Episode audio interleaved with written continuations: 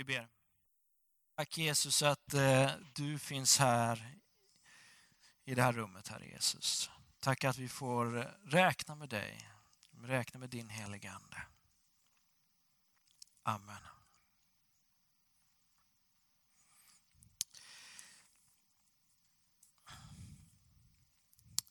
En liten anekdotisk klassiker.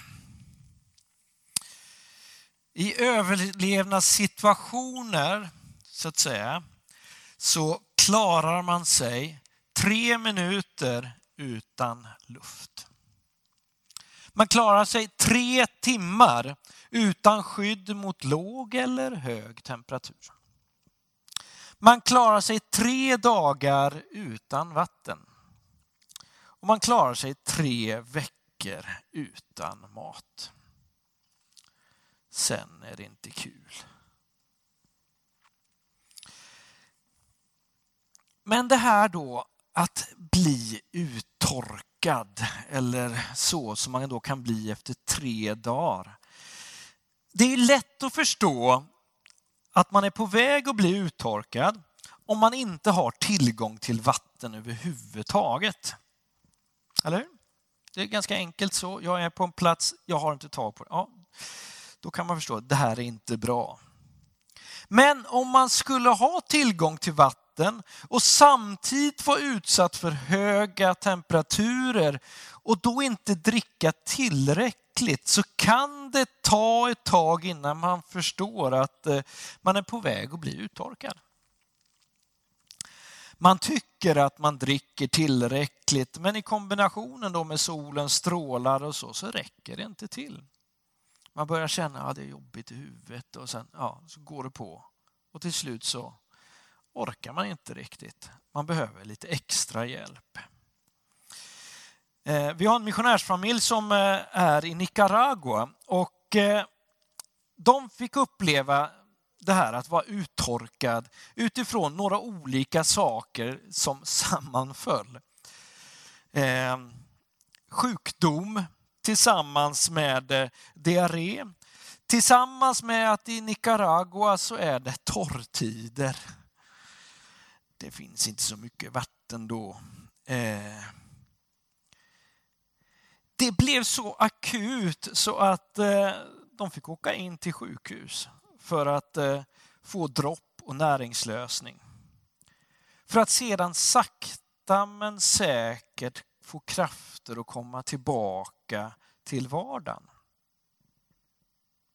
Och vardagen som det är, ja, nu säger jag som det är just nu, så är det fortfarande så att det är dåligt med vatten i den staden Bilvi där de bor.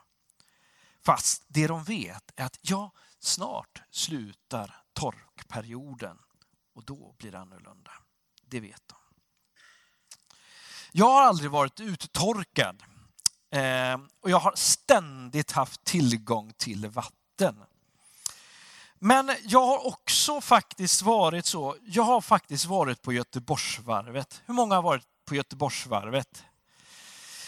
Nej, nej, nej, nej. nej. Jag har inte sprungit. Har jag inte, men jag har snart varit där i ja, fem, sex, sju år. Tack vare min fru eh, som springer. Jag, jag är duktig på att hålla väskor. Men när man står där och tittar på dessa som arbetar och har sig så är det så att efter ett par timmar så börjar man se små bilar komma åkandes, antingen där de springer eller där vi går.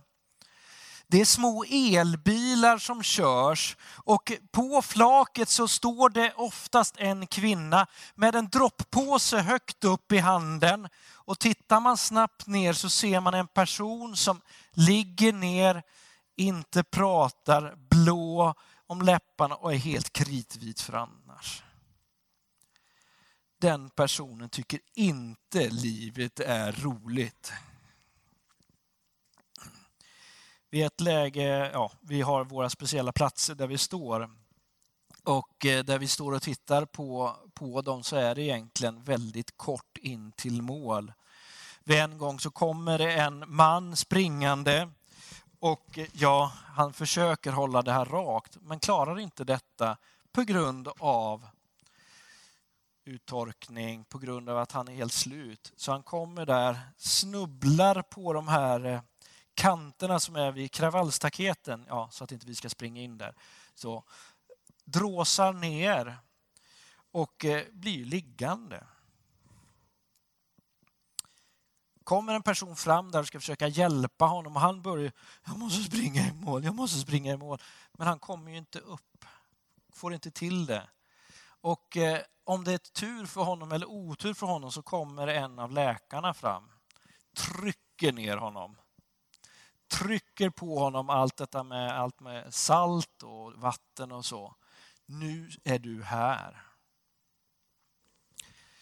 Det han förlorar är att han inte kommer i mål de där 300 metrarna kvar för att komma in på stadion. Men han vinner att han har kvar livet.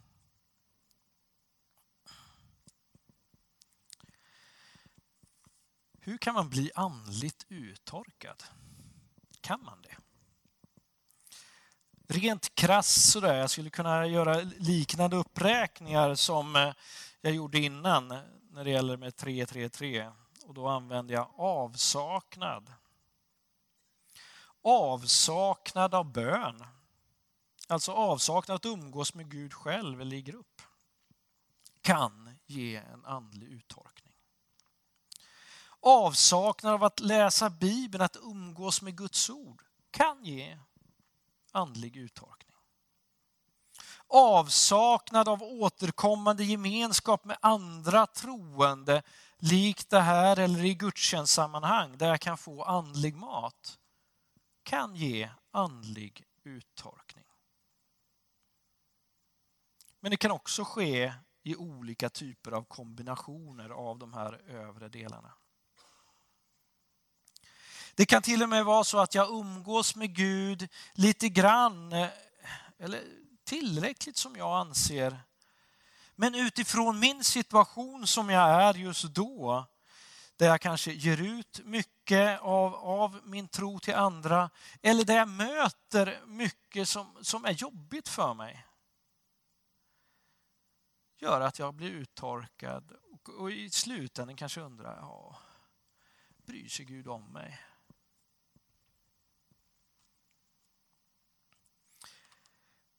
Uttorkning på det andliga planet har jag varit med om eh, i det här läget när det är extrema händelser, när personliga tragedier. Det är nästan som man känner att man har fått sig en käftsmäll. Liksom. Man bara... Och så kommer för mig i det läget orden, ja, ja nej men, det är ingen idé du vänder dig till Gud, han kommer ändå inte lyssna. Ja, just det. Oh, det, det har ju rätt där, huvudet. För det är ju faktiskt väldigt jobbigt nu. Och knäppa, ja Gud hjälp mig. Nej, det händer ju inget. Så drar jag mig bort ifrån Gud, jag drar mig bort ifrån gemenskap med andra troende. Jag väljer bort. Jag kanske inte har, gör det för att jag tycker att ja, men det är så otroligt smart, men det blir så. Jag gör det.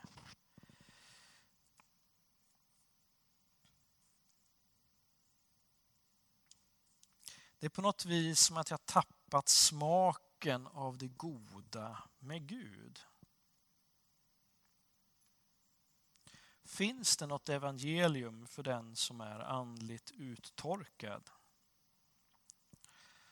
Ja, det finns det. När jag läser Bibeln så finner jag det. Jag vill ta er till eh, en av de olika festerna som finns eh, eh, i judendomen som eh, firades när Jesus levde eh, i Israel och som firas fortfarande. En av de högtiderna är lövhyddohögtiden. Eh, den firas under åtta dagar. Alltså det är inget sånt här fånigt som liksom bara en söndag förmiddag utan nu har vi åtta dagars firande. Och firandet av att Gud var med Israels folk under vandringen i öknen. Där Gud försåg folket både med vatten och mat så att de klarade sig. Under den här högtiden så kommer Jesus eh, till och på högtidens sista och största dag så ställer han sig där och frågar till dem som är där. Är någon törstig så kom till mig och drick. Jag vet inte om ni förstår det, det oerhörda som han, han säger där. Ehm, för det första, hur många tror ni var där? Om vi drar en liten, eh, eh, jag läste i några böcker liksom runt omkring vad som hände i Jerusalem under den här tiden. Om vi tar ett litet mått på detta, eh, så nu är det inte från lövhyddohögtiden utan nu är det från påsken eh, som firades. Och eh, ett mått på mängd hade man utifrån eh, eh, offerdjuren. Vid ett läge så hade en av de som ja, styrde så, eh, från romarna då, sagt till eh, översteprästerna, jag önskar ha, nu kommer jag inte exakt ihåg vilken typ av del av fåret som, eller lammet som han ville ha, men han ville ha den delen i alla fall. Och det löste de. Han fick 160 000. Det är ganska många. Och varje person offrade inte en, utan man var flera på varje. Så att man räknade under en påsk att det genomströmmade kanske från en kvarts miljon upp till en, en halv miljon människor där. Det är ganska många. Och lövhyddehögtiden var också en sån här stor högtid som man kom till Jerusalem. Man byggde små hyddor och bodde lite överallt i detta och så gick man till templet. Låt oss säga att vi minskar den där summan. Låt oss säga att det är 100 000 som är där för att göra en liten summa. Tänk dig då att Jesus som, är, ja, som har redan varit på kant med prästerna lite då och då. Han kommer dit och mitt i detta som sker liksom med, med offer där och du har olika samlingar där och du har, ja, det är betydligt större än här inne då, men där ställer han sig och säger detta. Kom till mig du som är törstig. Jag ska ge dig något att dricka. Ja, nu blev det min egen version. Eh, det är ganska, ganska stort, eller ganska vågat att göra detta. Man måste ha på fötter liksom.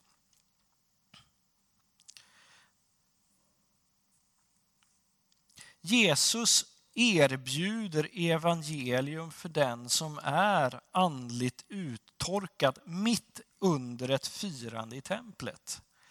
Han vänder sig till den som upplever att ritualen bara var död, inte gav liv. Han vänder sig till den som letar efter någonting mer. Och han pekar på sig. Kom till mig. Och det gör han fortfarande idag. För att leva ett liv i relation med Gud så behöver vi ständigt fylla på i våra liv. Jag tror att om jag generaliserar så finns vi i tre olika grupper. Den första gruppen upplever en, en otroligt stark törst efter eh, efter mer av Gud. Alltså man suktar efter Gud, kom jag behöver mer av dig, jag behöver mer av din heliga ande. Kom och fyll mig. Jag behöver dig. Det är den ena gruppen. Jag tror den andra gruppen är en grupp som eh, eh, under lång tid har minskat sin tid med Gud på olika sätt och börjat känna en törst men samtidigt vet inte riktigt var ska jag vända mig för att fylla på. Och jag tror det finns en tredje grupp också. Det är de som har upplevt en personlig tragedi och som helt har tagit slut och orkar inte ens ta sig så att säga till något vatten som sitter där. Ja, det är kört.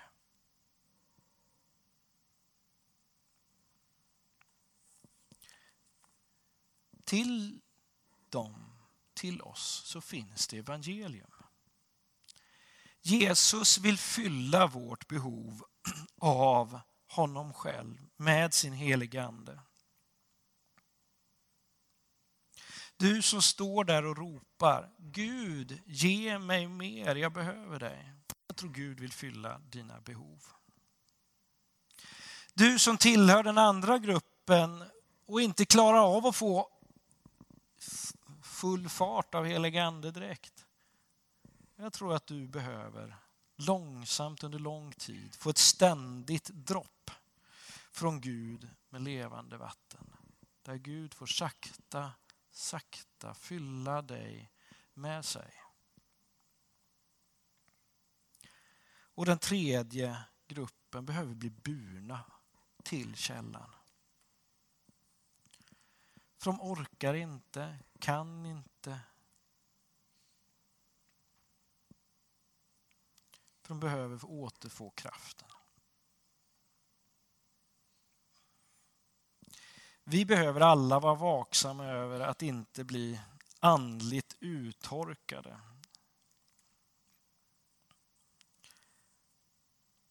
Ja, vi har ju som människor precis ett ansvar att äta mat och släcka vår törst när kroppen behöver det. På samma sätt som vi behöver ge oss själva andlig näring.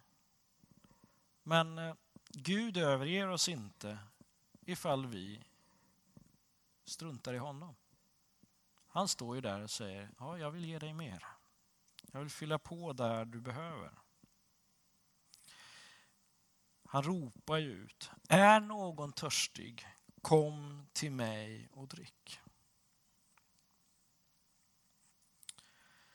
Jag ska avsluta med att läsa ett längre stycke ifrån Hesekiel kapitel 37.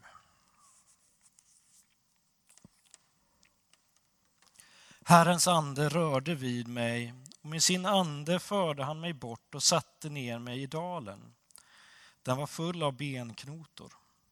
Han ledde mig runt och jag såg dem ligga överallt i dalen, helt förtorkade. Han frågade mig, människa, kan dessa ben få liv igen? Jag svarade, Herre min Gud, det vet bara du.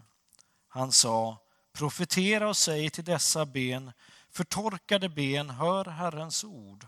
Så säger Herren Gud, jag ska fylla er med ande och ge er liv. Jag ska fästa senor på er, bädda in er i kött och dra hud över er. Jag ska fylla er med ande och ge er liv. Då ska ni inse att jag är Herren. Jag profeterade som jag hade blivit befalld. Medan jag profeterade hördes ett rasslande. Det var ben som sattes till ben och fogades samman. Jag såg att de fick senor och bäddades in i kött och att hud drogs över dem. Men det fanns ingen ande i dem. Han sa till mig, profetera människa, profetera och säg till anden, så säger Herren Gud, kom ande, från de fyra väderstrecken, blås på dessa dräpta och ge dem liv. Jag profeterade som han hade befallt mig, då fylldes det av anden. Det fick liv och reste sig upp, en väldig här. Han sa till mig, människa, dessa ben är Israels folk. De säger, våra ben är förtorkade, vårt hopp är ute, vi är förlorade. Profetera därför och säg till dem, så säger Herren Gud, jag ska öppna era gravar och hämta upp er ur dem, mitt folk, och föra er hem till Israels land. När jag öppnar era gravar och hämtar upp er ur dem, mitt folk, då ska ni inse att jag är Herren. Jag skall fylla er med min ande och ge er liv och låta er bo i ert eget land. Då ska ni inse att jag är Herren. Jag har talat och jag ska göra som jag har sagt, säger Herren.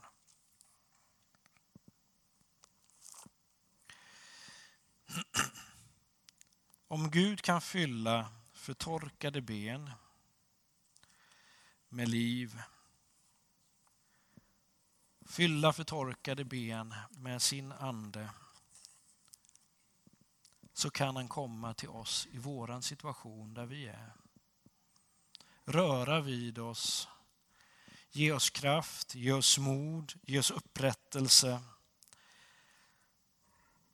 Ja, Gud vill ditt liv. Är någon törstig, så kom till mig och drick, säger Jesus.